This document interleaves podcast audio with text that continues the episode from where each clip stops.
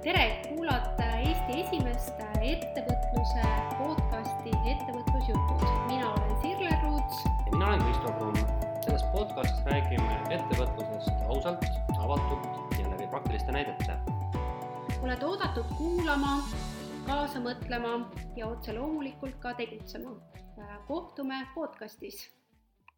tere, kuulad taas kord ettevõtlusjutte ja mina olen Sirle ja mina olen Kristo Äh, oleme taas kord eetris ja väga hea meel on äh, siis äh, jagada taas kord mõtteid ettevõtlusteemadel ja paar nädalat on jälle möödus, et möödas, et mis, mis on siis toimunud ka meie elus.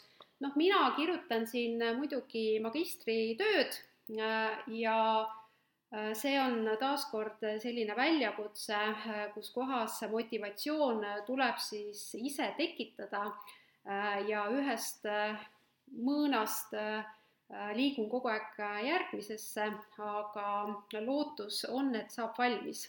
kuidas sinul? mina motiveerin sellega, et kui saab välja minna koolitama majast välja, mitte Zoomis istuda ja õnneks viimasel ajal selliseid on ja ja vaata, ega tegelikult äh, iga ettevõtja, koolitaja ka püüab leida ju neid äh, rõõmusid ka lihtsatest asjadest ja kui rõõmu pakubki see, et, et sa ei pea tegema seda või teist koolitust jälle Zoomis, vaid saad minna inimestega kohtuma või teine asi, et, et tegelikult on mul ja ma arvan, et ka sul see väljakutse, et äh, sul tekib teistsugused kliendid ja teistsugused tööd, vaata, siis see tekitab niisugust põnevust, et mul on viimasel ajal ongi, on, äh, või noh, tegelikult on iga aasta vaata niimoodi, iga hooaeg, et sul on nagu mingid noh, need standardtooted, standardkliendid sinna sekka viskab selliseid, selliseid huvitavaid väljakutseid, kus sa pead hoopis rohkem pingutama või rääkima teises keeles või, või, või, või ennast noh, kõvasti rohkem nagu ette valmistama, et vot see on nagu, see on niisugune nagu ütleme, argipäev, et ma mingeid suuri tükke praegu ei muuda. mina olen ka ülikooliga seotud, mina ise ei õpi praegu niimoodi aktiivselt, aga mul on tudengid, kes, kes kirjutavad suuremal või vähemal määral igast ettevõtluse lõputöid ja mul on tavaliselt niimoodi olnud, et ähm, mõned tööd ma pakun ise välja ka mõned teemad. ja siis, äh, ja siis neid ma nagu jälgin ja hiljem tulevikus jagan ka rohkem, et sealt ma saan nagu infot, et noh, paljud tudengid tulevad, teevad seda tööd, mis nad, mingi teemal, mis neid huvitab, eks. nii et, et ähm, kardinaalselt mingit meeletut muutusi ei ole, aga iga päev on, toob mingisuguseid huvitavaid väljakutseid ja mina ka siin äh, tegin üle pika aja saalikoolituse ja tuleb tunnistada, et ma olin päris närvis ennem koolitusele minekut ja mm, ütleme, et ma nautisin seda ja see tõmbas isegi mingist mugavustsoonist äh, välja, et tekkisid mingid uued mõtted, et seega teinekord on äh, hea teha midagi teistsugust. Aga täna meil on selline hästi põnev teema äh, käsil, et kuidas teha äri, kui raha ei ole. Ehk siis kuidas seda öeldakse, et kuidas suurendada oma sissetulekuid Äh, või siis kuidas teha äri null euroga, aga võtame siis jah, et kuidas teha äri üldiselt äh, nii tegutsevate kui alustavate ettevõtjate puhul, kui tõesti raha ei olegi ja kas üldse on võimalik teha, et seega siis me püüame siis täna äh, leida sellele vastuse. aga kuidas see teema, idee siis tuli? esiteks ma ise olen sellel teemal teinud mõned aastad tagasi ühe seminari Äh, ja äh, sellega oli hästi huvitav kogemus. Äh, siis, kui ma tegin sellele turundust, siis ma sain päris mitmeid kurjasid kirjasid, kus kohas öeldi, et, et ma olen valetaja, et niisugust asja ei eksisteeri nagu raha, rahapuudus ja äri. ehk siis see ei saa olla tõsi. aga samas see teema on ju hästi paeluv, sellepärast et äh, Äh, ühed uuringud ütlevad, et eestlastest kuskil viiskümmend kaks protsenti soovib hakata ettevõtjaks ja kõigil võib-olla seda raha ei ole. et, äh, et seega siis ka näiteks Hakan ettevõtjaks Instagrami lehel, kui ma küsisin, millistel teemadel me võiksime rääkida, siis tuli ka sealt küsimus, et äh, või ettepanek, et, et kuidas teha äri selle null euroga. ja ja seega siis mõtlesin, et miks ka mitte äh, täna siis see teema fookusesse võtta. kuidas sul, Kristo, selle raha ja äriga on, et usud sa, et null euroga on võimalik hakata ettevõtjaks? noh mm,, kunagi ma ka võib-olla ei uskunud, sest et valdkonnad olid teistsugused, kui ma ettevõtlusse sukeldusin ja minu investeeringud olid kakskümmend viis, kolmkümmend aastat tagasi väga suured tegelikult, ikkagi tolle kohta miljonid aga kui me vaatame nagu täna, millega ettevõtluses äri tehakse, siis noh, mina ütleks niimoodi, et ühelt poolt meil on üha rohkem selliseid lahendusi, mida ettevõtjad saavad kasutada või noh, teised saavad kasutada just vähese raha eest. Et kui vanasti ei olnud selliseid tarkvaralahendusi või ei olnud igasuguseid äppe ja muud niisuguseid tehnoloogiaplatvorme, siis sa pididki vaata paljud asjad nagu ise looma, eks ole. täna on võimalik ju luua niimoodi ettevõtet, sa oled üksinda ettevõtja ja siis sa mõtled välja oma ärimudeli ja siis sa kasutad kõiki olemasolevaid tehnoloogilisi platvorme, igaühest maksad seal kümme eurot kuus või viisteist eurot kuus, kogud, lood nii-öelda sellise väärtusahela sealtpidi ja tegelikult sa võid ju niimoodi toimetada, et, et sul tõesti ei olegi alustuseks raha vaja. isegi kodulehe loomiseks pole vaja. ma mäletan, meil tuli Eestisse äh, üks vähem kui kümme aastat tagasi äkki, niisugune internetipood nagu Olala, kas sa mäletad niisugust? jaa, olen kuulnud. no vot mm -hmm., minu arust enam teda vist ei ole Eestis, ma ei tea. ei ole kuulnud aga mis oli tema ärimudel? tol ajal tundus see nagu, et oh, kuidas nii saab olla. tema tegi niimoodi, et temal oli koduleht, kus ta pani müüki e-poest, noh, mingeid rõivaid ja mingit niisugust pudi-vadi. ja tema kogus kokku tellimused ja alles siis läks neid poest ostma. see tundus et oot, aga miks varem me niisugust asja pole teinud, eks ole. ei pea olema kodus ladu, vaata. eks tegelikult tema alustas äri null euroga, on ju. Mhm. tal oli vaja ainult leha koduleht ja seal kodulehel põhimõtteliselt oli ta noh, okei okay,, tal mingi maksekeskkond oli vaja, sellepärast et ta koguski inimestelt raha kokku eh, mingi kriitilise mahu ja kui ta oli saanud sellele T-särgile ütleme kümme tellimust, alles siis ta läks need T-särke ostma kuskilt siis ja juhtus muidugi see, et mõnikord öeldi, et kaup on otsas või siis, et see kõik see võttis aega umbes kaks kuud. aga noh, tol ajal kümme aastat tagasi või natuke vähem tundus see nii äge olevat, et inimesed olid nõus ootama.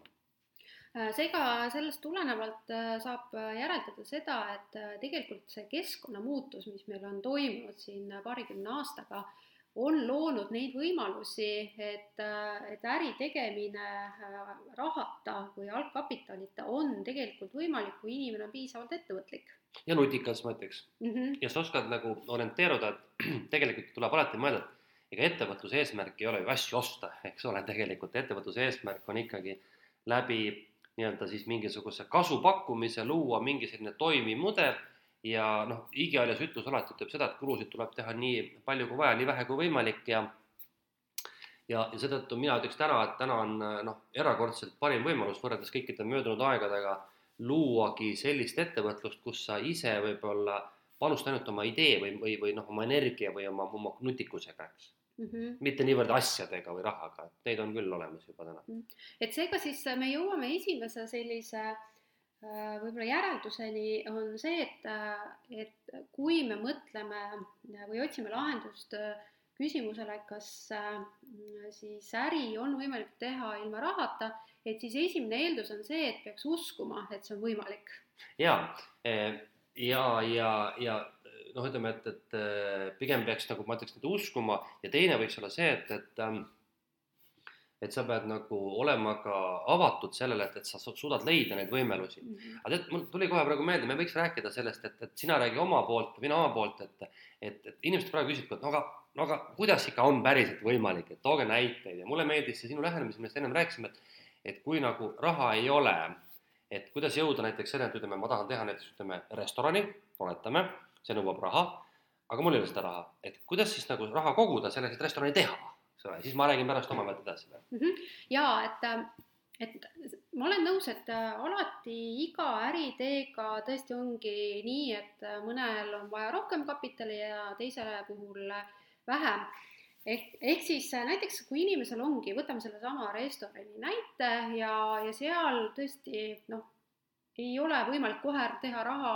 või seda restorani null euroga, äh, sest seal on ju vaja teatud tingimused, mis on äh, vaja täita, aga kuidas siis näiteks tänasel, tänases muutuvas keskkonnas äh, seda teha null euroga? noh, sisuliselt on meil mobiilne toitlustus tänu koroonale, mis siis tähendab seda, et ma saan seal isegi ju koguda need tellimused kokku ja siis teha see kliendi raha eest Äh, toit ära äh, ja, ja siis äh, müüa see või viia see kliendini. ehk siis see tähendab seda, et kui on selline suur äriidee, siis peaks vaatama, et mis on see esimene samm, mida ma teen, kas selles samas äris, et noh, näiteks toitlustusvaldkonnas ongi mobiilne toitlustus, mis võib-olla viie, viis aastat tagasi oli täitsa ulme. Või siis on see, et ma vaatan, mis on minu tugevused, mida ma tänasel os-, tänasel päeval oskan teha või mis mu ressursid on, et ma teen midagi muud, et kas ma siis selleks, et oma äri ellu viia, lähen korjan metsas marju ja müün neid kokkuostu, mida ka on väga paljud eestlased teinud, või siis näiteks, et mul on oskus midagi turundada või siis arvutada, näiteks teha mingeid Exceli arvutusi et siis ma tegelikult muudan need äh, sissetulekuks ja siis investeerin selle raha oma sellesse äriideesse. ehk tegelikult me jõuame kahe niisuguse fundamentaalselt äh, olulise stardiplatvormini. esimene on see, et, et ongi hästi lihtne, hakkad tegema väga väikestest asjadest, eks ole, noh, sa tõid selle marja korjamise näite, ma võiks tuua teise näite, et noh, toome näite, et sa tahad teha näiteks, noh, hakkadki lõpuks mingiks kaupmeheks, siis kõigepealt äh, hakkad, ma ei tea, näiteks, ma ei tea, mis liha suitsetama või näiteks ma ei tea, noh, teed mingit suitsukala näiteks, oletame, noh, müüd seda turule, eks ole, ta on pisikene asi, sellest pisikesest hakkab lõpuks kasvama suurem asi, eks ole, sa saad teha seda tõesti põhimõtteliselt nulli euroga, sisuliselt on nii. no okei okay,, ütleme, et paneme selle nulli sinna jutumärkidesse. nüüd see on esimene asi, et sa kasvatad oma äri pisikeste sammudega suureks ja sellest lõpuks, sellest suurest asjast võib saada midagi muud. selle kohta mul tuleb üks meelde üks lugu. ühest New Yorgis paiknevast ühest Ameerika mingist ülikuulsast äh, kinnisvarahaist, kes on päritolult kas venelane või ukrainlane.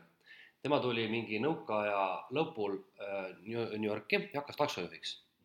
elas taksos ja möllas niimoodi mitu aastat, ma ei mäleta, kas kaks või viis aastat. nii et kõik raha, mis ta teenis, pani kõrvale. ja ta tabas ära, Ameerikas oli kaheksakümnendate aastate lõpus mingisugune kinnisvara muu krahh Donald Trump on oma raamatus rääkinud sellest, kuidas ta oli hästi vaene tollal, nii.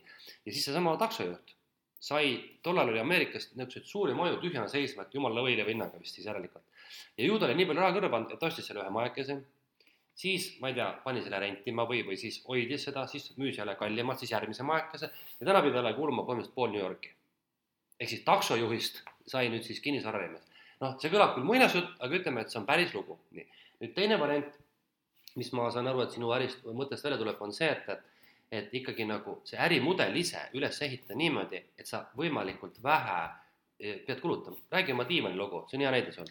jaa, äh, näiteks mina tellisin äh, nüüd uue diivani äh, ja ma kaks ja pool kuud varem ostsin selle ära, sada protsenti maksin ette ja ma saan ta siis alles kuskil paari, paari kuu pärast, ongi kahe poole kuu pärast kätte, ehk siis ma sada protsenti enda raha kliendina äh, panustan sinna, et ettevõte saab toota mulle diivani.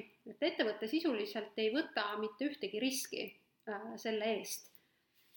No vot, ja see on, ütleme, niisugune tänapäeval täiesti normaalne, vaata, eks ole, et köögimööblid ja asjad. Ja, ja ega nendes e-poodides käibki ju tegelikult sama asi et, et see kaup ei ole ju selle ettevõtte oma, eks, see kaup istub tihtipeale kuskil kolmandas laos. ja nüüd kogu selle asja mõte on ikkagi selles, et, et mida ma arvan, et mina ja ka sina kindlasti oma koolitustel räägime, et, tulebki mõelda, mis on see kontseptsioon, vaata, et ärimudel ei ole mitte e-poodi pidada tihtipeale, vaid ärimudel on näiteks see, et, et või idee, et, et kuidas veelgi lihtsamalt ja veelgi mugavamalt see kaup jõuaks tarbijani, vaata, eks ole, umbes, et sa võtad selle ühe pisikese lülikese seal ja hakkad sellega toimetama, et sa ei pea kogu väärtusahelat enda käes hoidma. et see on nagu selle asja tuum. ja, ja noh, alati tasub mõelda tõepoolest seda, et mis on sinu tugevused, eks ole. et noh, ma olen nagu mõelnud niimoodi, et vaata, väärtusahelat saab igat moodi defineerida, mul on üks niisugune huvitav definitsioon, et et iga asi, mida me omame, läbib kolme faasi, väljamõtlemine, valmis tegemine ja äramüümine. nii, ja nüüd iga ettevõtja peaks mõtlema, millises sellest kolmest faasist tema on kõige tugevam. ja keskendumagi sellele ja teistpidi vaatama, mis talle kõige rohkem ka tulu toob.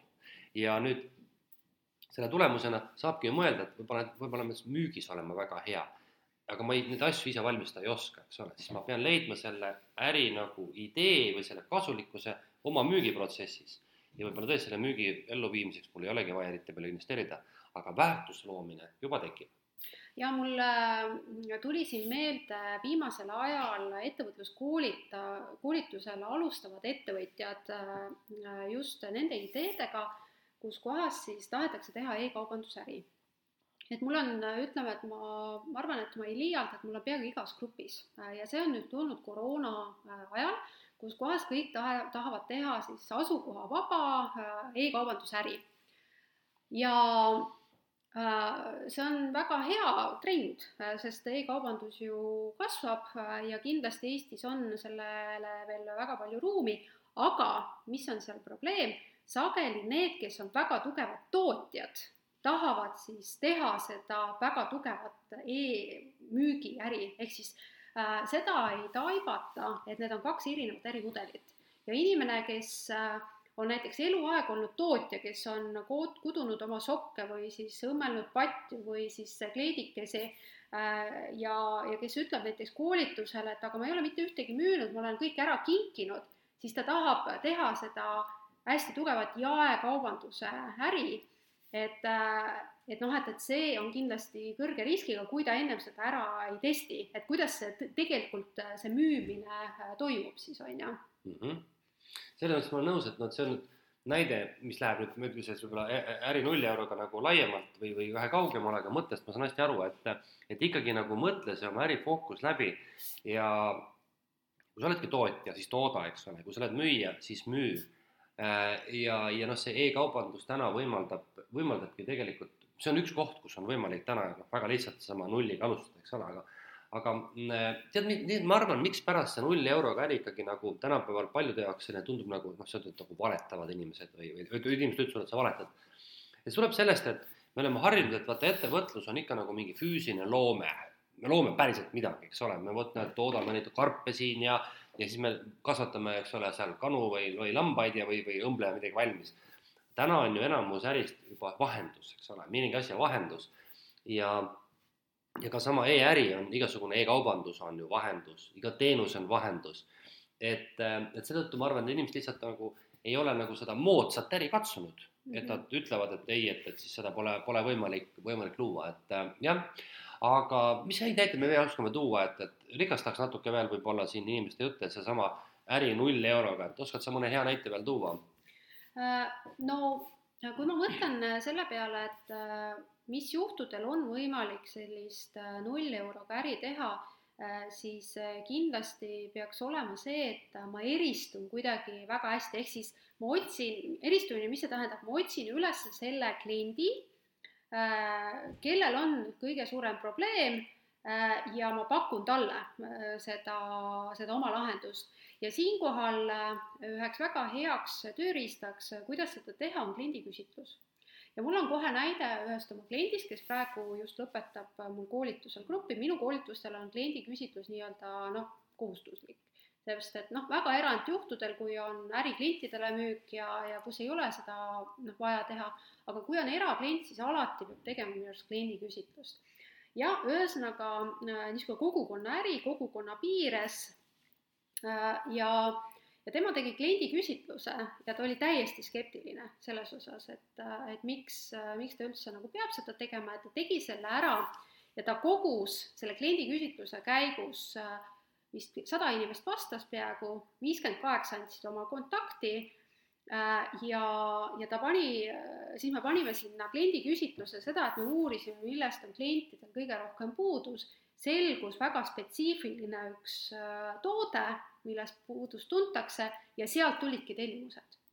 ehk siis äh, ehk siis see näide on see, et saa aru, kus kohas on see kõige suurem valukoht ja paku sinna kohe lahendust, sest äh, sellisel juhul on klient tegelikult rahaga sul juba ukse taga ja ta on nõus maksma väga-väga kiiresti ja mida ma taga, sageli näen siis oma klientide puhul, on see, et tahetakse pakkuda kõiki ja kõigile, sellepärast et see tundub nagu väiksema riskiga, et keegi ikka oska, ostab. ja mul on teinekord, äh, et noh, näiteks Amazoni äri on ju. oh, et, et Ameerikas on, ma ei tea, mitusada miljonit inimest, et, äh, et et, et noh, et, et seal keegi ikka oskab, ostab, aga tegelikkuses reaalsuses on see, et ei osta, et seal on täitsa tavapärane, et sa paned Amazoni toote müüki ja sul ei tulegi mitte ühtegi müüki, on ju. Mina ütleks niimoodi, et ma laiendaks sinu mõtet ka juba tegutsevatele ettevõtjatele. Mm, -hmm. et see on esimene asi ju, mida tõesti saab teha, et, et vaadata, kes kohe täna on nagu sa ütlesid, rahaga ukse taga ja eriti kriisis vaatasime, noh, oleme näinud, kuidas ju ettevõtted murdsid pead, et kuidasmoodi nagu oma ärimudelit muuta, siis siis küsimus ongi selles, et see on see koht, kus sul ei ole raha investeerida. ja esimene küsimus peaks olema see, et mis on meie äris sellist, mille pärast klient meil üldse tuleb. noh, seesama, noh jälle tuleme tagasi selle toidu nii-öelda kaasamüügile, et, et noh, eks see toit ikka lõpuks ole üks asi küll, mille pärast sealt ostetakse, eks ole, et niisama lihtsalt ikkagi ei, ei minda. ja kui meil on väga hea toit, siis äkki on inimesed nõus seda koju kaasa võtma, eks ole, me ei pea mitte midagi muutma, me ei pea tegelikult muutma, me oleme ikka toidutootjad, ainult noh, vahe on nüüd selles, et me ei saa seda koha peal pakkuda, eks ole. aga mul on, tuli veel selline näide meelde, et äh, veel öelda, kuidas alustada, kuidas alustada nulli euroga, et mina teen muuseas niimoodi, ma küsin iga kord just nimelt nendel Töötukassa ja sellistel EAS-i koolitustel, et äh, et kui te ei saa raha, kas te teeksite oma äri ära? Ja kui ütleme, kümme aastat tagasi oli neid inimesi, kes ütlesid, et nemad siis ei tee, no ikka veel olid mõned, siis nüüd ei, ütlevad kõik, et teen küll. see tähendab seda, et neid tegelikult ei oleks raha vaja, noh, oleme ausad, eks ole. nii, aga mida nad siis teevad, noh, võtame näiteks, et on mingi inimene, kes tahab fotograafi äri, tal on mingi fotokas ikka olemas, on ju, siis oli mul üks tüüp näiteks, kes tahtis drooniäri teha. hea küll, tal endal drooni ei olnud, aga sõbral seisab kahetonnine droon, mis, mille, mis ostis kunagi lolli peaga, midagi teha ei ole. Ta saab selle pool muidu kasutada, eks ole. sul on kohe olemas võimalused, tegelikult. sul on vaja autoga midagi vedama hakata, sul ei ole oma autot, kellelgi kindlasti seisab mingi auto. et ühesõnaga, nii kui sa ütled, et aga kujutame nüüd ette niimoodi, et sa pead oma äri alama, alustama, aga sa ei saa raha. tead, kümne minutiga tekivad kohe mõtted, aa, oota, ma saan sealt selle, selle, selle. ehk tegelikult tänapäeval noh, enamus just väikeärisid ei nõua ülimalt mingit spetsiifilist asja. ja ütleme, mööname, et, et me ei räägi praegu kõikide ettevõtjate eest, on ettevõtteid, mis vajavad miljoneid võib-olla, nii alustavad kui toimetavad. Äh, ja nendest me natuke räägime hiljem võib-olla, et kust siis raha saada, kas me nüüd päris nüüd miljardeid jõuame kokku ajada, aga ütleme nii, aga tõepoolest mul on täna tunne, et noh, väikeettevõtja ei peaks küll sellesse kinni jääma, vaid täna on nagu kõike võimalik saada, kõike antakse, renditakse, laenutatakse, mida iganes, eks ole isegi kontorit näed, on ju lihtne saada. Äh, jaa, äh, mul on ka teinekord äh, koolitusel klientidega nii, et et noh, vaatad, et, et selles rahastamisnimekirjas on kõik sada protsenti rahastus läheb põhivara ostuks.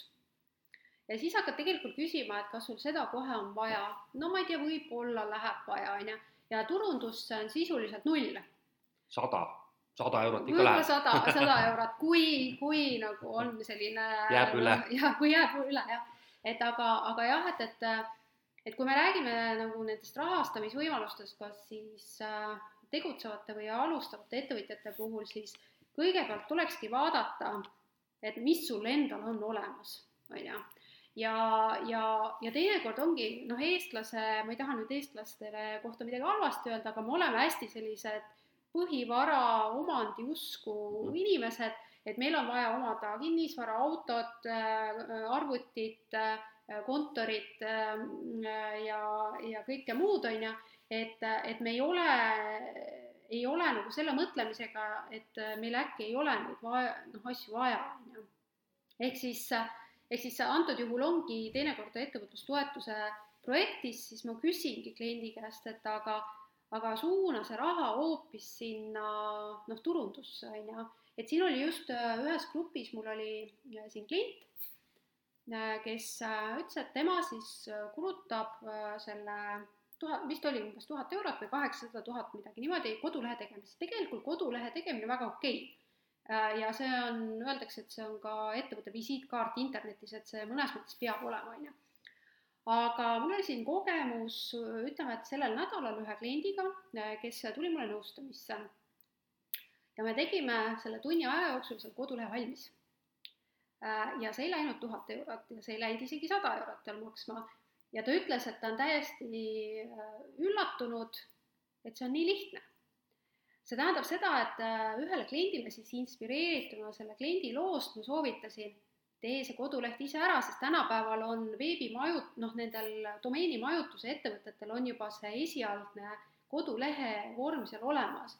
tee see valmis ja suuna see raha, kui sa saad toetuse tuhat eurot turundusse, on ju.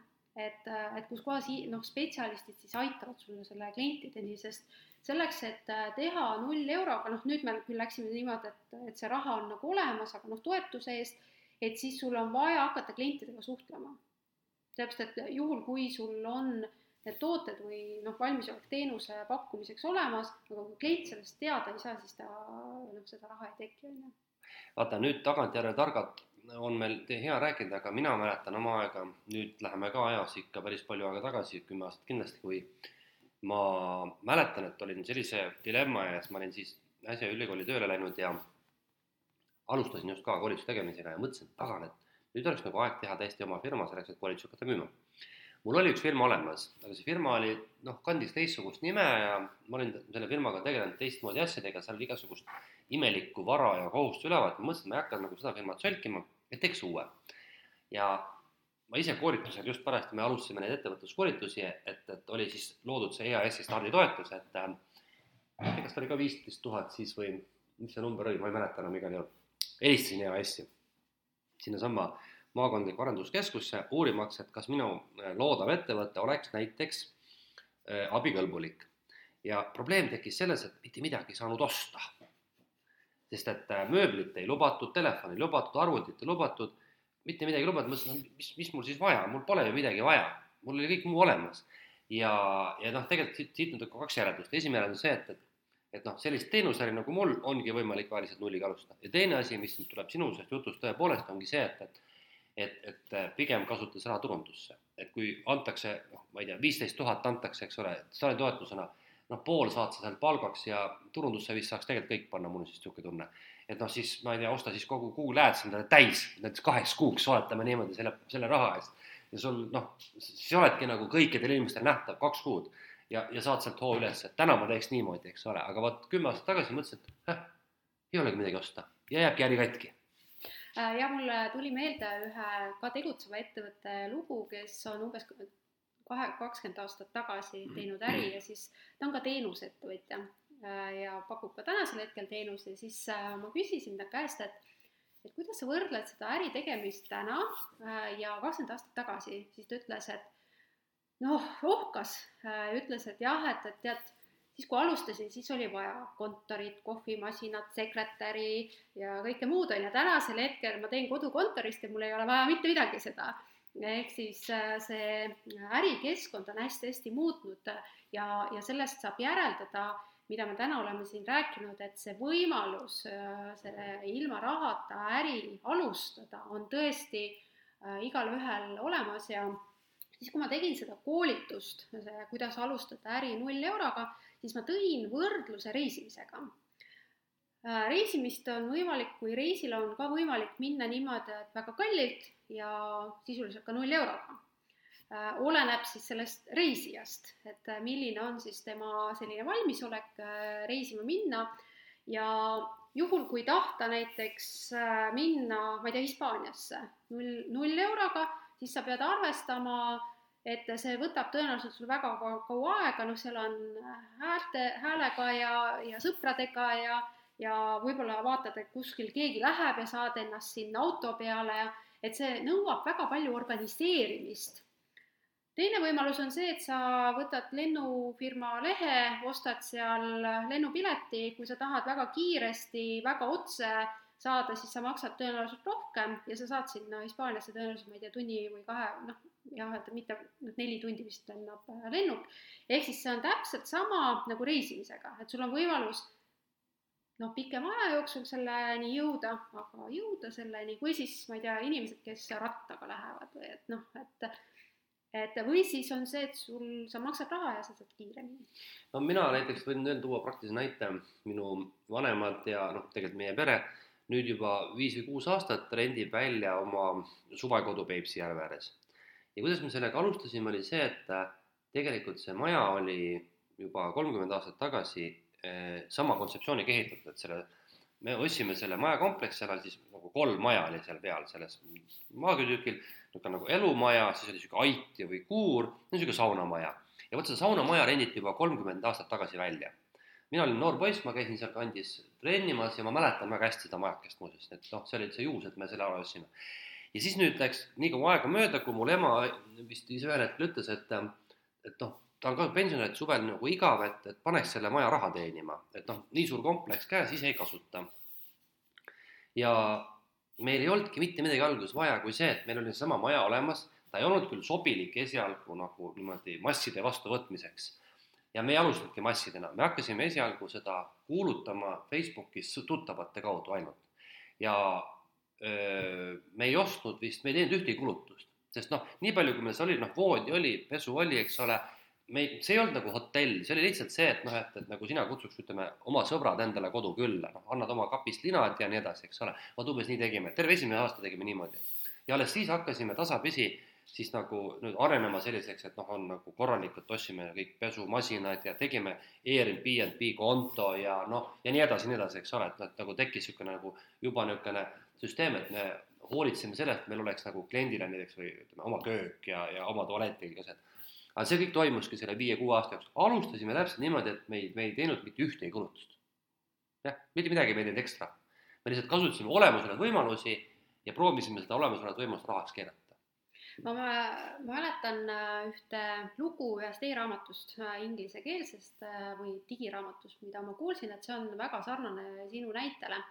seal siis üks Londoni siis kinnisvaraettevõtja, ongi ka edukas ettevõtja, rääkis siis oma lugu, kuidas ta siis alustas oli see, et tal oli olemas korter Londoni kesklinnas, mitte midagi muud vara ei olnud. ja võib-olla nad isegi rentisid ise seda kont-, korterit või ma seda täpselt ei mäleta.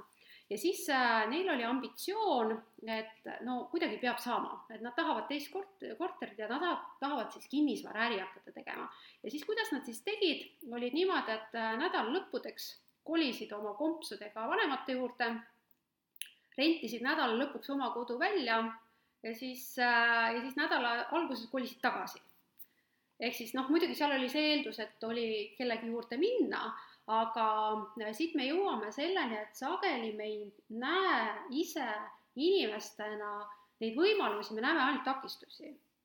ehk siis äh, noh, eestlased, kes on kinnisvara usku, siis, siis tegelikult on jah, on see ebamugav et meil on pigem sageli see uskumus, et noh, kuidas ma kedagi ikkagi enda koju lasen, aga noh, kui on nagu väga suur tahe, et siis, siis on võimalik niimoodi ka alustada.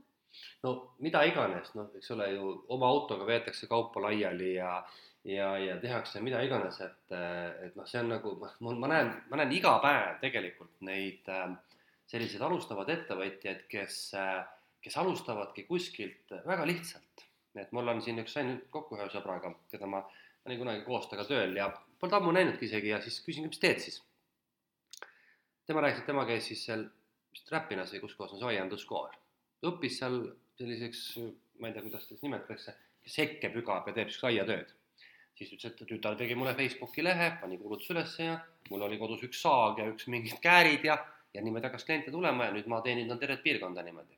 ehk siis jälle noh, tegelikult nagu null euro, eks ole ju, põhimõtteliselt et võib-olla siis noh, mingi tööriist peab olema, eks ole ju tegelikult. et ega mina noh, ma olen ka laisk, aga, aga ma arvan, et näiteks ma olen aastakümnete jooksul, ma pakun välja, et me oleme oma peres, oma kodus ikkagi nagu neid selliseid null euro kärisid teinud korduvalt, vaatad ringi, mõtled, siin seisab mingi kasutamata ressurss. ja kui sa näed, et selle asjaga oleks võimalik midagi teha, no siis teeme, eks ole, ma olen kunagi kodus näiteks ka olnud ühe, olime, olime üks kolm aastat, olime, olin ma pagar küpsetasin leiba ja pirukaid. mina ei küpsetanud, vaid, vaid minu koduruumides neid tehti või minu nii-öelda siis elamisruumides või, või ütleme siis majas, kus ma elasin. ja, ja täpselt oligi niimoodi, et kasutasin võimaluse ära ja, ja, ja ka noh, nii-öelda nagu olemasoleva ala pinnalt, eks ole, et ei ehitanud mingit tööstust ega mitte midagi, et et saab küll jah, kui tahta ei ole nutikas mhm. seega siis esimene niisugune praktiline soovitus, et need, kes tahavad teha äri Äh, kuid ei ole raha, et kaardista üles äh, esiteks kõik need tugevused, mida sa oskad teha. sest äh, juhul, kui tahta saada ettevõtlustulu või oma sissetulekut suurendada, siis on vaja esiteks aru saada, et noh, mis mul juba praegu on, mida ma saan sissetulekust muuta. Ja teiseks on ju kõik vara, kõik vara, mis mul seisab, sisuliselt sinna võiks ka minna riided, mis seisavad, võib-olla mida sa kannad üks kord aastas Äh, sest äh, ma tean inimesi, kes müüvad äh, ja saavad väga, väga korraliku sissetuleku sellest, et nad noh, kogu aeg annavad neid oma riideid uuele ringile, on ju. noh, siinkohal on jällegi soovitus, et kui on soov selles kasvatada midagi suuremat, et siis kindlasti peaks olema see ettevõtlustulu äh, ja isikliku raha, rahakott nagu eraldi, sellepärast et, et siis kogudagi kapitali selleks uueks või teiseks äriideeks, on ju ja noh, alati on see, et, et tee koos pereliikmete ja sõpradega, ma mäletan mm, -hmm. mu abikaasa kunagi alustas ühte business'it, siis mm, ta, tema ja tema sõbranna ja siis meie mõlema pered olid siis need, kes aitasid seda ruumi ehitada, renoveerida, noh, me vist küll noh, midagi, meil oli see valik, et äh, isegi ma ei mäleta, tead sa, kas me ostsime mingit parketti asja või see oli ka veel olemas. Igal juhul mm -hmm. mina käisin ka seinu värvimas ja liiste panemas ja siis kodus kõik raamatud, mis olid üleliigsed, läksid sinna sellesse keskusesse müüki ja kõik kodunõud läksid sinna ja pool mööblit läks sinna. ühesõnaga, et nagu meil oli ka see, et noh, raha ei olnud, eks ole, ja ei tahtki nagu investeerida ja kõik, kogu suguvõsa pandi tööle, kõik, mis oli, kõik see stuff, mis sinna kogunes sinna ruumi, suur, suur ruum oli, seal oli kõik, enamus oli nagu esialgu olid, oligi iseenda vara. Ja ma ei mäleta, kas meil lõpuks, kas seal üldse tekkis mingi ostetud vara või ei tekkinud, igal juhul äri käis täiega ja see oligi kogu meie pere enda töö, kahe pere töö ja vaev ja oma asjad sinna kokku kogutud äh, selle oma vara äh, muutmisega sissetulekuks mul tuleb oma perekonnast üks väga äh, huvitav näide. Äh,, minu väike vend minust äh,, mis ta on, ta on äh, üle viisteist aastat vist noorem, noh, niisugune äh, väga ettevõtlik, ta küll ei ole ettevõtja, aga ta on hästi selline äh, ettevõtlik äh, noormees. Ja siis, kui ta oli kümneaastane vist, midagi niisugust, siis ta sai esimese mobiili. Ja, ja selles mobiilis siis, need olid esimesed sellised mobiilid, kus kohas on mobiilimängud olid mobiilis, on ju, et noh, tänapäeval nutitelefonides on igasuguseid mänge, aga siis oli see hästi-hästi unikaalne.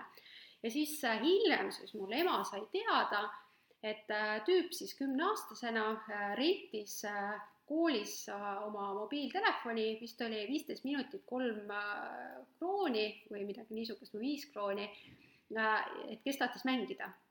Ehk siis ta ei andnud oma klassikaaslastele seda telefoni lihtsalt mängimiseks, aga ta kümneaastasena kuidagi tajus ära, et on nõudlus äh,, temal on pakkumine ja rentis oma mobiili, ema oli täiesti šokis, kui ta pärast teada sai. mul tuleb sama lugu meelde, võib-olla natukene võimsamal kujul, aga sarnane noore poisi lugu. ma jälgin ühte sellist turundustegelast nagu Martin Lindströmi, väga kuulus ja väga tuntud inimene Taanist ja siis tema äh, on ka väga noorest peast olnud ettevõtlik ja siis üks tema esimesi ärisid olevat olnud selline, et talle kingiti, noh, Tatari poiss, eks ole, kingiti kohutavalt palju legosid. ja siis ta ehitas oma aeda ka väikese Legolandi ja kutsus külainimesi raha eest seda vaatama. Ja võttis piletiraha selle eest. kuni see lõppes sellega, et Lego esindajad tulid kohale ja tegid talle mingi märkuse, ma ei mäleta, kuidas see case siis lõppes, kas ta tohtis edasi oma seda näitust veel teha või mitte, aga ta põhimõtteliselt kasutas ära kõik oma Legod ja hakkas keras selle rahaks, saad aru, et noh, tal oli nagu igav, et noh, midagi võiks teha. et noh, niisuguseid näiteid on nii palju lahendaid, kus inimesed noh, võib-olla nad isegi ei mõtle nagu ettevõtlikult, eks ma ei usu, su vend mõtles nagu ettevõtja, ta lihtsalt vaatas, et hea papi teenimise mhm. varik, aga tegelikult see ongi ju ettevõtlus, eks ole. et noh, et, et, et me siin võib-olla kuulaja, mõni kuulaja mõtleb, et ma mäletan, ükskord oli mul üks kursusekaaslane, kes äh, ülikoolis, kes äh, noh, oli siis jõudnud natuke kaugemale kui enamus meist võib-olla ja siis tema mõttemall oli ikka sihuke, et meie kõik olime tema arvates nagu prügikalad, me mõtlesime mingit, mis juttu ta räägib vot mina praegu ehitan siin, ma ei tea, kakssada miljonit, me teeme ühte asja siin, eks ole.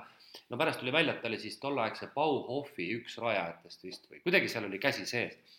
aga ma tahtsin talle kogu aeg öelda, et kuule laps, et noh, et, et või kuule poiss, et, et, et et noh, et selleks, et sa selle siin, siin esined oma kahe, kahesaja miljoni selle investeeringuga, sa pidid ka sinna kunagi jõudma.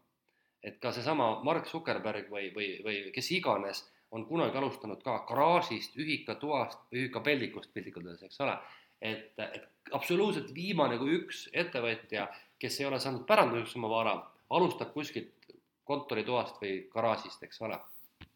Äh, jah, et, et seega ikkagi no see ettevõtlusega alustamine ilma äh, rahata äh, nõuab, esiteks ma usun seda ja tegutsemist ja sellist ka enesedistsipliini et juhul, kui ma siis ikkagi sealt diivanilt ennast üles ei aja ja tegutsema ei hakka, siis ega see tulu ka ei teki. Ei noh, muidugi ei teki jah, ja selle kohta alati öeldakse ju, et eks ole, et kui ei ole proovinud, siis ei saa ka ebaõnnestuda, aga ei saa ka õnnestuda, eks ole, jah mm. -hmm. aga ma veel kordan siia üle, et, et ei jääks nagu kuidagi vale muljet, et me räägime jälle nagu ainult alustavat ettevõtjatest, et tegelikult saab alati vaadata seda ka äri kasvatamist või, või ärimudeli muutust ka niimoodi, et, et see ei vaja alati nagu seda, et me ei saa midagi teha, meil pole raha. sest ega tegelikult nagu raha ise ei oma veel seda võlujõudu, mis suudab seda äri suureks kasvatada. ma võiksin tuua sellise võib-olla niisuguse noh, natuke paha näite, aga see on kõik need startup'id, mis koguvad kokku miljoneid, palju vist ellu lõpuks jääb, eks ole. tegelikult jääb väga vähe. et see raha ei päästa neid, see raha ei tee neid suureks, absoluutselt ei tee neid. ta aitab muidugi midagi teha. ja tegelikult on ju asi, võti on peidus hoopis selles idees, kontseptsioonis. ja sama on nende samade tegutsevate äridega, et, et kriisid, mikspärast räägitakse, kriisid on head, et kriisid on sellepärast head, et nad panevad ettevõtja kõvasti rohkem pingutama. mõtlema välja mingeid uusi lahendusi, uusi ideid ja väga sageli need uued ideed noh, kas ei nõua raha või ettevõtjal ei olegi raha, ta peab sellepärast kontseptsiooni muutma, et tal ei ole praegu raha.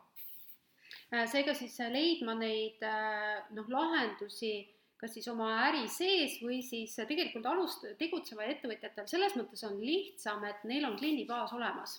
Et nad lihtsalt peavad oma seda klienti tundma ja neile pakkuma siis seda lahendust, mis siis esiteks kliendil on vaja. Ja tõesti, tänapäeval on see ettemaksupõhine ärimudel niivõrd levinud, et me ostame äh, mööblit ettemaksuga, äh, isegi kinnisvara ettemaksuga, äh, siis me ostame mm, ma ei tea, toitu isegi teenuseid, teenuseid ettemaksuga, ehk siis võib-olla mõned aastad tagasi ei olnud see, et kuidas ma maksan, ma ei tea, mööbli eest ette tänapäeval on see täiesti, täiesti nagu äh, okei okay. aga võtame siis nüüd sellise suuna siin meie arutelus, et, et jah, et, et mitte võib-olla niivõrd selliste alustajate kesksesse jääda, et äh, võtamegi näiteks, et kui on tegutsev, tegutsev ettevõte, et, et kuidas siis see tegutsev ettevõte äh, suudab siis seda raha kiiremini liikuma panna mis sa mõtled? no mm, ma ennem, kui ma lähen selle peale, mul tuli üks mõte, mhm. üks näide veel meelde, ma unustaks ära, ma lugesin kunagi läbi kõik Eliahu Goldrati raamatud, kes on niisugune tuntud juhtimiskuru, kes vallutas siin maailma millegi.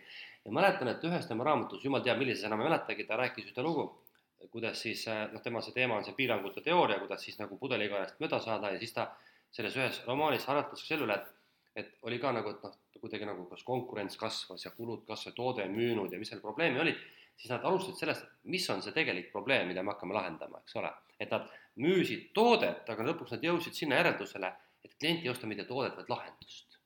ja see tähendab seda, et nad suutsid oma ärimudelit niimoodi muuta, et tegelikult seal isegi kulud kahanesid, aga see väärtus, mille klient sai, oli palju suurem, eks ole. aga tulles tagasi sinu küsimuse juurde, et kuidas siis saab, siis ega me peame, ütleme lihtsas keeles rääkima siis rahastusvõimalustest, eks ole, et kas, kuidasmoodi ja kust on võimalik siis kaasata seda raha Äh, kui, kui ütleme, endal ei ole, noh, jätame selle jutu kõrvale, et mul endal taskus ei ole, mul omanikena ei ole, aga äkki kuskilt saab. no ja me leppisime kokku, et, et räägime siis kahtedest variantidest, räägime välistest allikatest, räägime sisemistest allikatest, et kumma sa tahad edasi rääkida?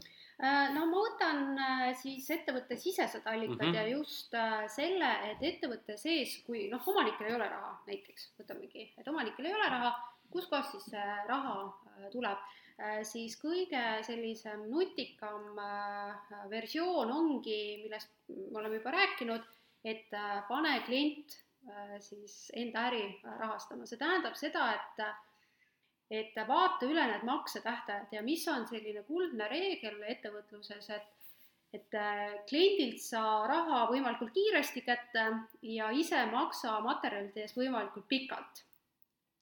Ja siinkohal ma toon ühe äh, väga hea äh, näite äh, ühe oma kliendiga, kes tuli mulle, see oli aastaid tagasi, tuli koolitusele ja tahtis teha naiste kliente, noh, väga sellise spetsiifilised, et ma ei taha noh, pikemalt rääkida, aga väga selline eristumine oli olemas. ja ja ütles, tuli siis koolitusele, esimeses äh, loengus oli hästi skeptiline, niimoodi istus, äh, käed nagu rinnal risti, siis äh, absoluutselt mitte ühtegi asja ei uskunud, mida ma rääkisin, sellepärast et, et noh, et ette, tal raha ei ole ju ettevõtlusel, aga noh, miski, mingil põhjusel ta tuli sellele koolitusele. oli teine moodul siis teise mooduli lõpus tuli, ütles, et Sirle, et tead, mul on selline unistus neid naiste kleite teha, aga mul raha ei ole. aga ma olen endale teinud ühe kleidi, kleidi hobi korras äh, ja noh, ta kandis ka seda ja väga ilus kleit oli. ja siis äh, leppisime kokku mentorluse ja vaatasime, et aga kuidas ta saab siis äh, oma äh, siis kli-, klientidelt äh, selle raha kätte, et ainuke võimalus oligi teha ettemaksupõhise ärimudeliga, sellepärast et tal oli vaja see kangas välja osta, sest tal ei olnud isegi raha nagu seda kangast välja osta. ja oligi nii, et ta tegi pildid, kus kohas ise oli selle kleidiga, ajastus oli vist see, et kevad tuli, nõudlus oli ju noh, noh, naistel suur ja, ja tegigi, et, et teen kevadeks ettetellimusega kleidid, saada mõõdud ja ta ütles niimoodi, et kui ta tuli mulle koolitusele, et ta arvas, et ta jõuab esimese müügini poole aasta pärast ja tal oli kolmandal kuul oli vist viisteist kleiti müüdud juba. ja kõik oli niimoodi, et null euroga sisuliselt. kus ta turundas ennast siis? Facebookis, Facebookis, jaa, sellepärast et -hmm. läbi oma tuttavate, sest äh, tegu oli väga spetsiifilise sellise äh, stiiliga äh, ja selge on see, et meie enda tuttavad on meile sarnased. Ja tal tuli, kuna oma tutvusringkonnas on ka see usaldus, et oma tutvusringkonnas ostetakse ka sind, noh, nagu ettevõtjat, on ju, ja, ja sealt siis saigi ja ta sai hoo päris, päris hästi sisse. ma toon siia kõrval näite nüüd, lähme nüüd hüppame korraks maailma tasemele, aga täpselt sama näide on, kes meie kuulajatest on võib-olla külastanud sellist kauplust nagu zappos.com, see on hästi kuulus internetipood, mis alustas kingakaubamajana ja sai nii kuulsaks, et et Amazon ostis ta miljardiga ära, kuna ta hakkas äh, muutuma liiga suureks konkurendiks. ja üldlaiemalt, kui keegi Sapose vastu huvi tunneb, siis Sapose personalipoliitika ja kogu see on hästi huvitav, aga räägime praegu sellest, mis äri alguse sai. ja algus sai niimoodi, et need loojad proovisid erineval moel, et äh, neil oli mõte, et, et võiks jalanõusid müüa internetis ka korraldasid mingisuguseid kliendiküsitlusi ja uuringuid ja no mitte ükski asi ei töötanud. ja nad lõpuks olevat siis läinud sellise asja peale, et nad proovivad viimast korda ühte asja veel. ja noh, põhiline on see, et noh, raha ei olnud, tuli testida hästi odavalt. ja mis nad tegid? Nad läksid poodidesse, tegid poodides kingadest pilti ja tegid Facebooki lehe ja panid üles ja kirjutasid, et kui sa tahad selliseid kingi, anna meile teada, saada raha, me toome need sulle raha.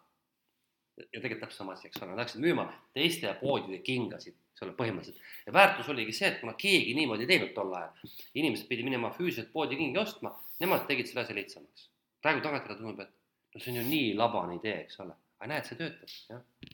jah, et, et, et seega neid võimalusi on ja just, et need maksetähtajad, et see, et et äris, kui tahta teha null euroga, siis sa pead kliendilt saama äh, raha kätte võimalikult kiiresti. Ja ise maksta siis võimalikult mm -hmm. aeglaselt, on ju. mis veel on sisemisi võimalusi, mis oskad välja tuua? noh, sisemised võimalused on kindlasti noh, millest rääkisime, varamüük, et kui, et sa pead tegema ülevaate sellest oma varast, on ju, et, et mis sul on, mis seisab lihtsalt äh, ja tegelikult tänapäeval ei pea ka ju personali äh, värbama, et mul on jätkuvalt ikkagi koolitusel neid, kes ütlevad, äkki ma pean raamatupidaja endale palkama. mõttetu värk, eks ole. või siis turundaja, et mm -hmm. siin hiljuti oli, et ma võtan turundaja tööle, et äh, need on kõik teenusepõhised äh, ärimudelid, ehk siis ma ostan seda sisse siis, kui mul äh, on see vajadus, on ju. no et sa tuled inimesest, noh, ütleme, see kõlab halvasti, aga saad teenuse mõttes inimesest ruttu loobuda, eks ole mm. -hmm. ja, ja kui sul ongi niisugused tehnoloogilised lahendused, siis noh, see tõesti, täna on ju võimalik teha turundust, raamatupidamist, kõike kuidagi nagu väga ju distantsipõhiselt, jah mm. -hmm.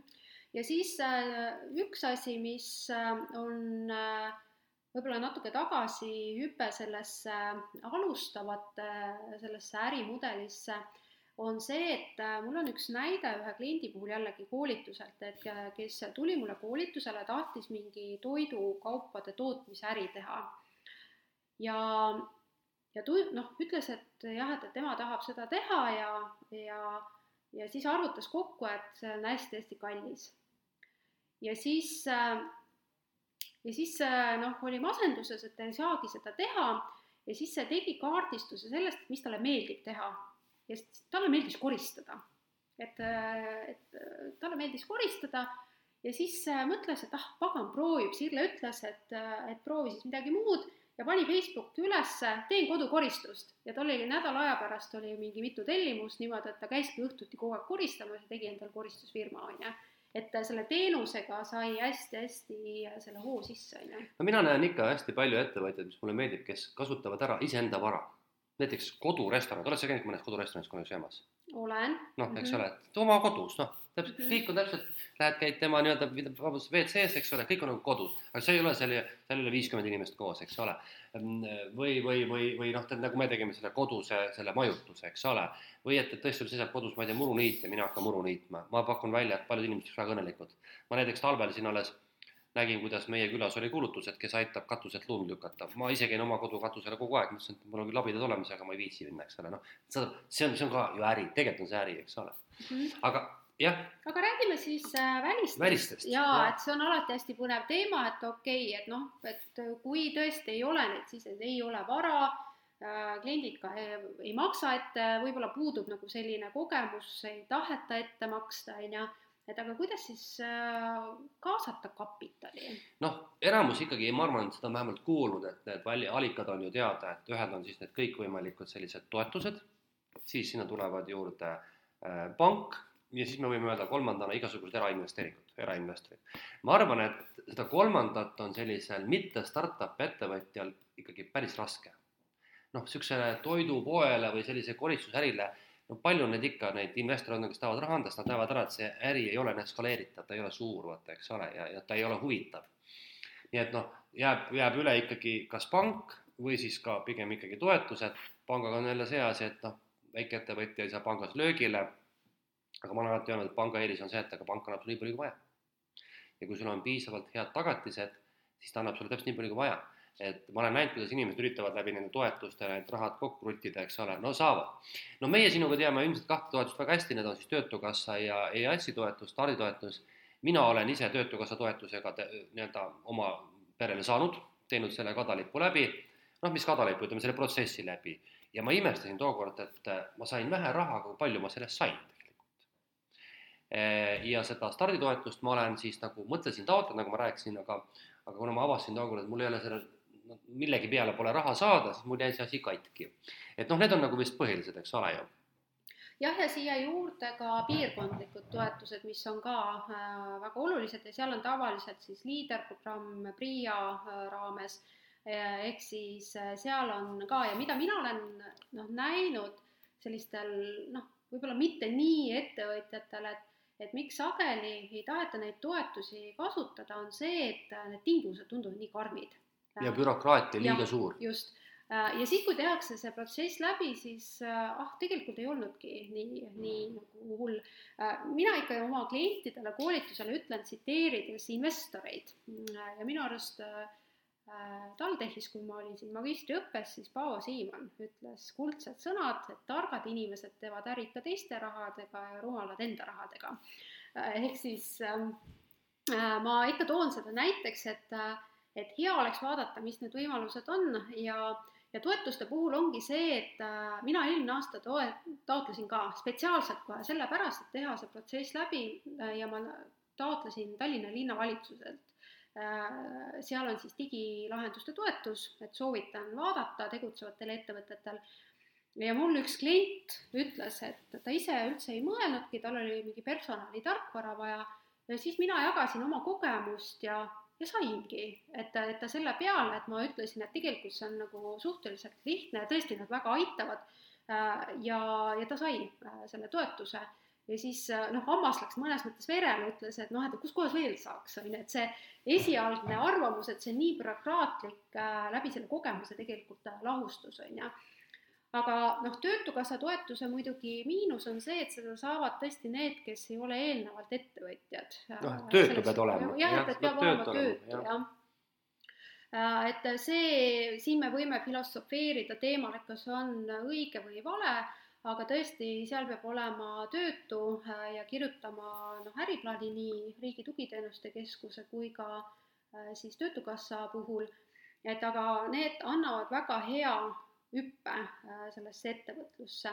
mul on äh, tänasest äh, mentorlusest on üks klient, kes tuli mentorlusse või tähendab koolitusele ja, ja koolituse käigus nüüd on jõudnud, nad tahavad ka Riigi Tugiteenuste Keskusest jõudnud selleni, et, et noh, et, et kas ikkagi see nõudlus on olemas, et kui nad unistuse pealt ütlesid, et see nõudlus on olemas, siis nüüd selle analüüsi pealt on selgunud, et kas see ikkagi klient seal on, on ju, et toetuste puhul, nii nagu pangalaenude puhul on see, et et see ei ole tasuta raha, see tasu või see äh, toode, mida sa selle pealt teed, on see äriplaan. selle tõestusega, et see äri võiks olla jätkusuutlik, on ju. jah, mina olen ise, olen, äh, mul on veel üks kommentaar, et väga tihti muuseas, kui täna ma peaksin siis ütlema inimestele, et millised toetusmeetmed on olemas, siis ma tean neid päris palju, noh, võtame siis, eks ole, EVAT ehk alustavate toetus Töötukassast, starditoetus, mis siis tuleb meil äh, Riigi Tugiteenuste Keskuselt, nii. EAS-il on olemas väga palju toetusi, kui eraldi vaadata EAS-i kodulehte, seal ongi ettevõtlustoetused, siis on seal igasugused äh, sellised ka eksporditoetused, kasvutoetused, siis on seal mingisugused digilahenduse toetused, turismitoetused, seal on e-, ettevõtjatele hästi palju, nii. siis tulevad igasugused piirkondlikud nagu sellised liiderprojektid, eks ole, nii, seal on samamoodi, et on siis äh, projekte, mis on ainult sobivad MTÜ-dele, siis on projektid, mis sobivad ka ettevõtetele, summad on küllalt suured ja on kahte sorti toetusi, üks on siis teenuste laiendamine või tootmise laiendamine, teine on siis kinnisvara ja, või no ütleme, ehitasid, rajatised, nii. siis tulevad mängu needsamad linnaosade omad või näiteks ütleme ka KOP-id ehk kohaliku omavalitsuse projektid, mis on küll väiksed summad, aga siiski jälle. kus ma neid tean? enamus tuleb minu ettevõtja, ütleb, et kuule, ma leidsin niisuguse toetuse, kas sa kirjutaks mulle toetusprojekti selle või äriplaani. mina olen niimoodi seda teadma õppinud ja, ja, ja tegelikult äh, ega ise ju ei noh, vaata ei viitsi nagu surfata, aga kliendid toovad, kliendid, inimesed tulevad, teavad, et sina kirjutad, küsivad, kas sa kirjutaksid. ja mul on üks kolleeg, kes kunagi rääkis niimoodi, et ühel kevadel tuli tema juurde üks tema klient, noh, see on, see inimene on meiega sarnase ärivaldkonnas ka koolitaja, ütles, et et kuule, praegu on saadaval viisteist toetust, kirjutame viisteist äriplaani. Ja kirjutas viisteist äriplaani ja viis sai raha nii et noh, see näitab, kui palju on ühe korraga võimalik erinevaid asju saada. nüüd üks asi veel, mis ma tahaksin öelda, et kui soovitakse minna toetuste peale, siis tuleks vaadata õudselt täpselt tingimusi. ehk siis see on see asi, et, et mis on need eelnõuded, kas tohib olla ettevõte, kui vana või suur see ettevõte tohib olla ja väga paljude projekti puhul tohib olla ainult MTÜ näiteks ka Evati puhul on ju teada, et seal tohib olla ainult FIE ja OÜ näiteks, eks ole, tähendab, sa tohid luua. sul ei tohi isegi mitte ettevõtluskontot olla. starditoetuse puhul on see kahe aasta piir, kui, kui kaua sa tohid olla. nii et see eeltingimused on hästi olulised ja, ja seal ongi see, et, et see, see trikk mõnes mõttes seisneb selles, et vahel on kasulik omada mõnda viie aasta vanust MTÜ-d, millega minna raha küsima, mõnikord on hea võtta sahtlist üks OÜ välja, et see on jälle niimoodi, et ma tean, et üks, kunagi üks ettevõtja see on üks lugu, mida ilmselt paljud teavad, kuidas siis üks mingi naisterahvas hakkas mingit patju tegema. ja tema otsustas hakata ausaks ettevõtjaks. ehk see tähendab seda, et ta teeb kõike hästi ausalt. ja siis ta kurtis, kui raske see ikka ikka on. no hea küll, tühja sellest me teame sinuga mõnes on raske. aga mis oli tema peal hästi olulist, niisugust üllatavat, oli see, ta väga tegi maha ja oli ülimalt kriitiline nende ettevõtjate suhtes, kes kõiki asju teevad toetuste abil, ütles, et see oli kuidagi, noh, see oli, tema nagu põlastas seda mina ütleks vastupidi, nagu sa ütlesid Paavo sõnadega, et, et, et tark teeb ikka võõra rahaga, eks ole äh, jaa, sellepärast et äh, neid ärivõima- või noh, selliseid võimalusi, mis äh, ärikeskkond pakub, et neid tegelikult tasuks kasutada. aga ma mäletan, kui ma eelmine aasta ise enda ettevõttele äriplaani kirjutasin, kirusin ja kirjutasin, ehk siis see on ajamahukas, sa pead mõtlema Äh, mitte äh, võib-olla oleviku kontekstis, sa pead mõtlema tuleviku kontekstis, sa pead mõtlema vastavalt nendele tingimustele.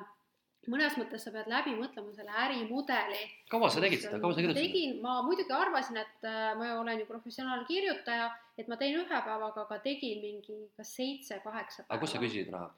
Tallinna linnavalitsusest, jah. no minu kogemus ütleb seda, et ma tegin kunagi viis aastat tagasi Töötukassale siis hakkasin mai lõpus kirjutama, noh ei viitsinud suvel kirjutada, eks ole. ja oktoobris saime alles raha. mõtle, kui pikk aeg ja ma olen ka noh, nagu ikka tundsin, et ma nagu proff olen, eks ole. nii et mul läks ka viis kuud aega lõpuks, kogu see protsess on nii pikk mm. -hmm. jah, et, et, et toetuste puhul lihtsalt äh, sageli ettevõtjad ootavad, et toetused äh,, need tingimused kohanduvad nende järgi, aga tegelikult me peame ise kohanduma ja ja minu arust tark ettevõtja või ettevõtlik inimene, kes plaanib hakata ettevõtjaks, ta peab juba tänasel hetkel aru saama, mis on need rahastusvõimalused, kui on see soov, et rahastust kaasata. Äh, ja, ja lähtuvalt sellest ka oma seda äri äh, kujundada. Näiteks äh, minul on see, et ma väga teadlikult hoian oma ettevõtte finantstervise hästi korras Äh, siis äh, ma äh, mingeid projekte, mida ma teen, ma teen juba selle mõttega, et kuidas tulevikus mingi rahastus sinna sobitub, et see on strateegiline juhtimine tegelikult, on ju. jah, vaata, muidugi siin tuleb, mina, mina olen iseenda jaoks niimoodi teinud, et, et noh, needsamad toetused ja rahastusskeemid on nagu teatud mõttes ka nagu erineva kategooria ettevõtetele, et et noh, näiteks ma arvan, meie sinuga sobitume hästi selliste toetuste peale, eks ole, et noh, et, et just nimelt sina küsid ühest kohast, mina olen ühest teisest kohast küsinud ja siin küsida on veel paljust kohtadest, on ju. aga et äh, meie oleme siuksed nagu, meie ärimudel on selline, et me saame toetuste peale minna, sest ka summad, millest me räägime, pole väga suured. aga kui ma kunagi alustasin ettevõtlusega üheksakümnendate aastate teise pooles ja niimoodi seal, siis ma kaasasin, meil oli kaks äri, ühte üks koma kaks miljonit ja teise kolm pool miljonit, see oli tollal gigantne summa, siis loomulikult ainuke variant oligi minna panka, pangajutule. Ja, ja noh, see siis, siis me noh, siis tegelikult oli tõesti, ma pean tunnistama, et esimese miljoni me saime küll ka sellisest kohast, mille nimi oli Eesti Innovatsioonifond, aga see oli ka laen. see ei olnud tasuv toetus, see oli laen. et tol hetkel me ikkagi laenasime need summad, meie äri oli vägagi suurte laenude peale üles ehitatud ja, ja see oligi see, et mingite muude toetustega poleks meiesugust projekti üldse võimalik olnudki lahendada. Ja pole ka täna ilmselt, noh, ütleme või, või kui sa võtad, eks ole, kolm pool miljonit krooni, mis see siis teeb seal mingisugune paarsada tuhat, eks, või kolmsada tuhat, see on juba niisugune laenu tasandil summa, eks ole, see ei ole lihtsalt niisama nipsust tehtud. Äh, jah, sest mm, mis, mida ma vaatan toetuste puhul, on see, et äh, noh, sa ennem nimetasid need erinevad kohad, kus kohas saab siis mida noorem on ettevõtja, seda väiksemad on toetuste summad. Ja mida rohkem ettevõte kasvab, siis näiteks kasvutoetustest EAS-ist saab ka pool miljonit äh, eurot, äh, et kui su ettevõte on piisavalt siis suur, aga seal ongi top Eesti äh, teatud ettevõtted, kes sinna lähevad, et seega siis, kuigi EAS-il tuleb ka teinekord, tuleb mingis RUP-programmis, ma täpselt ei tea, mis see nimetus on, et seal tuleb korra aastas või kaks korda aastas tuleb üks selline äh, toetus, äh, kus kohas see on nagu startup'ide toetus, kus ei ole vaja ettevõtte vanust, töötajate arvu, käivet, mitte midagi, et seal puhtalt antakse projekti peale ja ma tean, et ma ise jälgisin seda, et see projekt Tallinnas läks nädal aega, läks eelarve täis et noh, need on nagu teatud ettevõtted, kes teavad, et seal tuleb ja see äriplaan on neil juba tegelikult sahtlis olemas.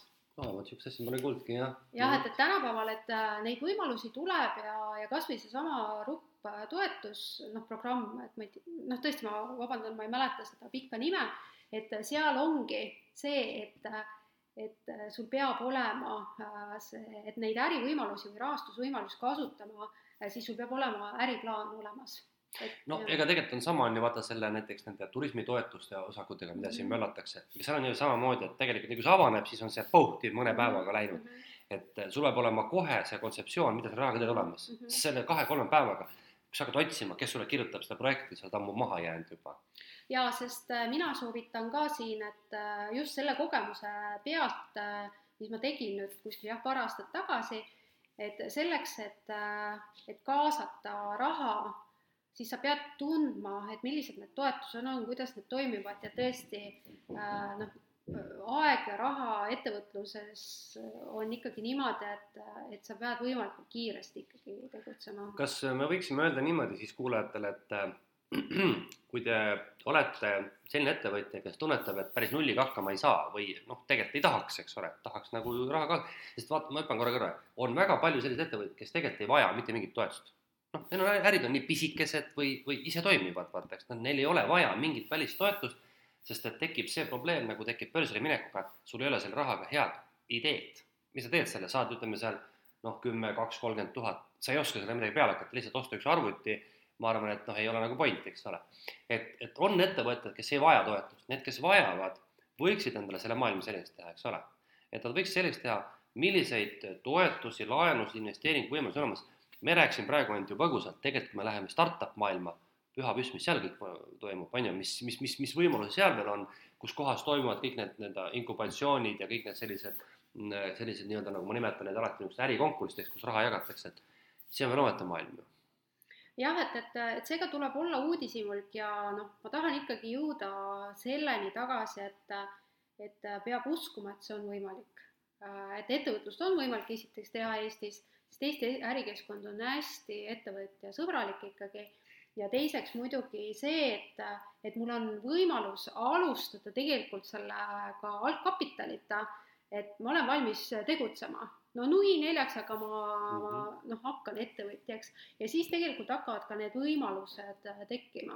no nende võimaluste, rahastusvõimaluste osas kõik ju soovitavad ka, et minge, käige, rääkige nendesamade EAS-i maakondlike arenduskeskustega ja ja, ja käige sealsamas liidri kodulehel, küsige sealt nõu, minge sinna kopilehele, EAS-ile, igale poole, noh et tegelikult äh, need inimesed, kes ju töötavad, on selleks sinna tööle võetud, annavad teile konsultatsiooni. ja tasuta. tasuta, just täpselt, jaa ja nad ütlevadki teile ära, millised on võimalused, kui te räägite ära, mis, mis teie soov oleks.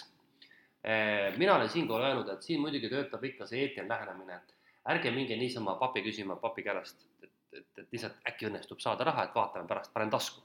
Et ikkagi mõte on selles, et kasutage seda ikkagi ettevõtluseks, sest siis on see, see projekti hindajad ei ole nii lollid inimesed, et nad ei saa aru, et sa tuled lihtsalt õngitsema praegu, vaid nad saavad aru, kes tahab seda raha saada reaalselt, et on vaja ja kes tuleb seda lihtsalt niimoodi, äkki õnnestub lihtsalt kuskilt riigi käest raha saada.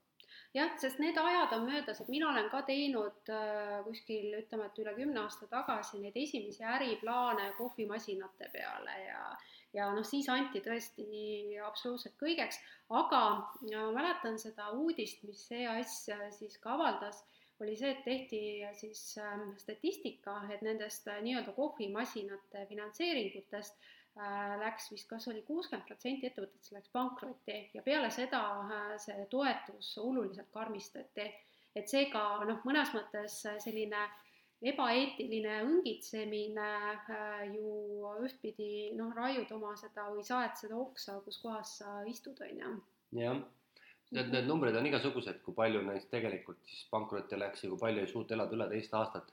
et jah, ma mäletan ka, kuidas Töötukassa ühel hetkel ikkagi hoopis muutis seda, need, kes üldse toetust saavad ja, ja kes sinna koolitustel saavad, aga, aga ma olen ka nõus, et kuigi ma pean tunnistama, et ega algusest peale, kui mina olen selle projektiga seotud, ega ei olnud päris selliseid nii-öelda noh, massiliselt neid, neid pettureid. aga noh, mina nägin ainult ühte osakest sellest taotlejatest, et võib-olla teistel oli seal neid pettureid rohkem, et aga jah, et see, see toetuste maailm on tegelikult üks niisugune asi, mis tundub natuke olevat nagu mingi selline klubiline liikumine, et osa teavad, kus jagatakse, osa ei tea üldse, aga aga ma arvan, et tegelikult eks ta ikkagi läheb laiemaks, et, et, et inimesed üha rohkem, rohkem noh, ettevõtjad sellega kokku puutuvad ja teavad, et selliseid võimalusi on olemas ja ja praegu kriis tõi vaata ju ka mängu see, et, et paljud ettevõtjad, kes siiamaani hästi toime tulnud, olid mõned sunnitud minema riigi taotlust küsima ja siis nad ilmselt said selle maailmaga rohkem tuttavamaks ka mm. -hmm. seega siis, mis me niisugust paar äh, olulist äh, soovitust äh, lõpetuseks siin äh, kuulajatele äh, ütleme, et mis, mis sa annad kaasa siin? ma kordaks üle mõned asjad, et ikkagi mm, ettevõtluse alustamiseks ei tohiks seada seda rahapuudust selliseks nagu noh, selliseks nagu natuke, natuke iseenda petmise takistuseks, et kui sa ikka tõesti tahad, et, et ettevõtlus oleks sinu tulevik, siis sa, sa suudad seda alustada ka tõesti, noh, me tõime täna palju näiteid täitsa ilma, ilma millegita piltlikult öeldes. et äh, nagu sina oled alati korraldanud, usu sellesse ideesse, usu, et sul on sellega niimoodi võimalik ja ja, ja noh, see meie korraldatav asi, et näe neid võimalusi, eks ole. et leia need võimalused on kindlasti olemas, kui sa just ei taha, noh, ma ei tea panka hakata tegema, isegi panka saab teha nii, et kuule, mul on taskus praegu tuhat eurot vaba raha, ma hakkan seda sulle laenama. kas see on ka panganduse algus tegelikult, eks ole?